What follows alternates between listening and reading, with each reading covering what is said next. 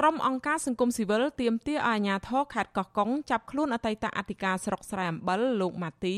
យកមកផ្ដន្ទាទោសតាមច្បាប់តាក់ទងទៅនឹងការឈូសឆាយដីព្រៃកោងកាងទំហំ87ហិកតាស្ថិតនៅភូមិប្រាំងឃុំដងពេញស្រុកស្រែអំបិល មន្ត្រីសម្របសម្រួលសមាគមការពារសិទ្ធិមនុស្សអាត់6ខេត្តកោះកុងដែលចោះអង្កេតរឿងនេះលោកថោងច័ន្ទរាឲ្យដឹងនៅថ្ងៃទី12សីហាថាដីព្រៃកោងកាងនិងព្រៃសាធារណៈរបស់រដ្ឋដែលអតីតអធិការស្រុករូបនេះឈូសឆាយស្ថិតនៅ5ទីតាំងផ្សេងផ្សេងគ្នា ហើយសកម្មភាពឈូសឆាយនោះធ្វើឡើងជាបន្តបន្ទាប់ជាងកន្លះឆ្នាំមកហើយលោកចាត់ទុកទង្វើនេះថាជាអំពើល្មើសច្បាប់និងមានការបណ្តែតបណ្តោយពីអាជ្ញាធរថ្នាក់មូលដ្ឋាន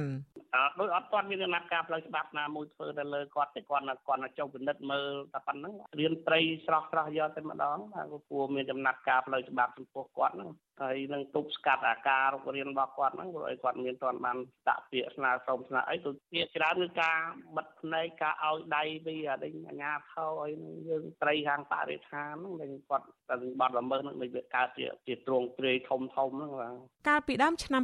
2021រដ្ឋាភិបាលលោកហ៊ុនសែនបានចេញអនុក្រឹត្យកាត់ជ្រឿលដីទំហំជិត20000ហិកតា ចេញពីតំបន់ប្រើប្រាស់ច្រើនយ៉ាងដងពេញដើម្បីឲ្យរដ្ឋបាលខេត្តកោះកុងគ្រប់គ្រង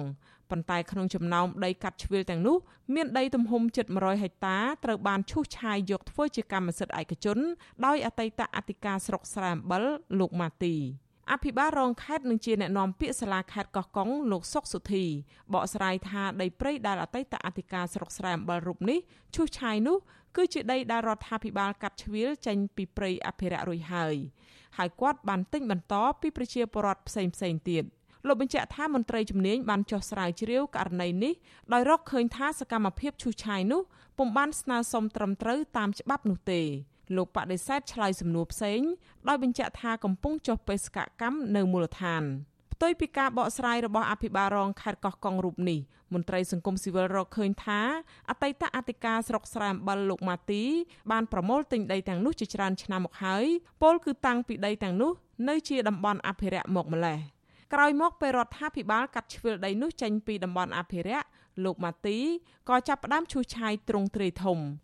ការទិញលក់ដីព្រៃអភិរក្សគឺជាទង្វើខុសច្បាប់ហើយការឈូសឆាយបំផ្លាញព្រៃទៀតសោតក៏ជាបទល្មើសផងដែរបើពុំមានការអនុវត្តត្រឹមត្រូវតាមនីតិវិធីវិទ្យុអេស៊ីស្រីមិនអាចតាក់ទងអតីតអធិការស្រុកស្រែអំបិលលោកម៉ាទីដើម្បីឆ្លើយតបរឿងនេះបាននៅឡើយទេនៅថ្ងៃទី12ខែសីហា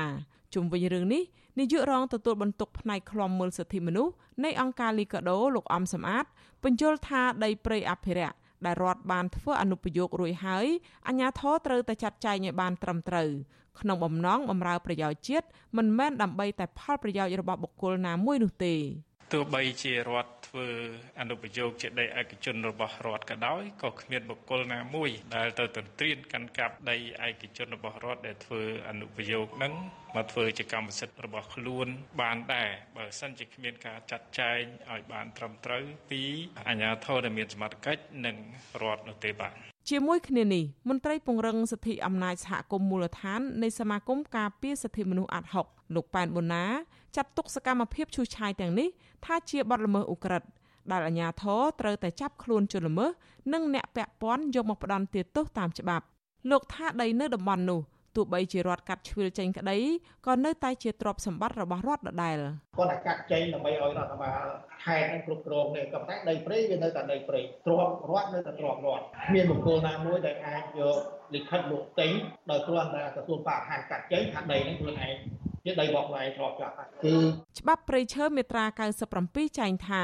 ការឈូសឆាយព្រៃហុំព័ទ្ធយកដីព្រៃ ត្រូវជាប់ពន្ធនាគារពី5ឆ្នាំដល់10ឆ្នាំនិងត្រូវរឹបអូសវត្ថុតាងទាំងអស់មកជាសម្បត្តិរដ្ឋចា៎នាងខ្ញុំខែសុណងវັດឈូអាស៊ីសេរីរាយការណ៍ពីរដ្ឋធានី Washington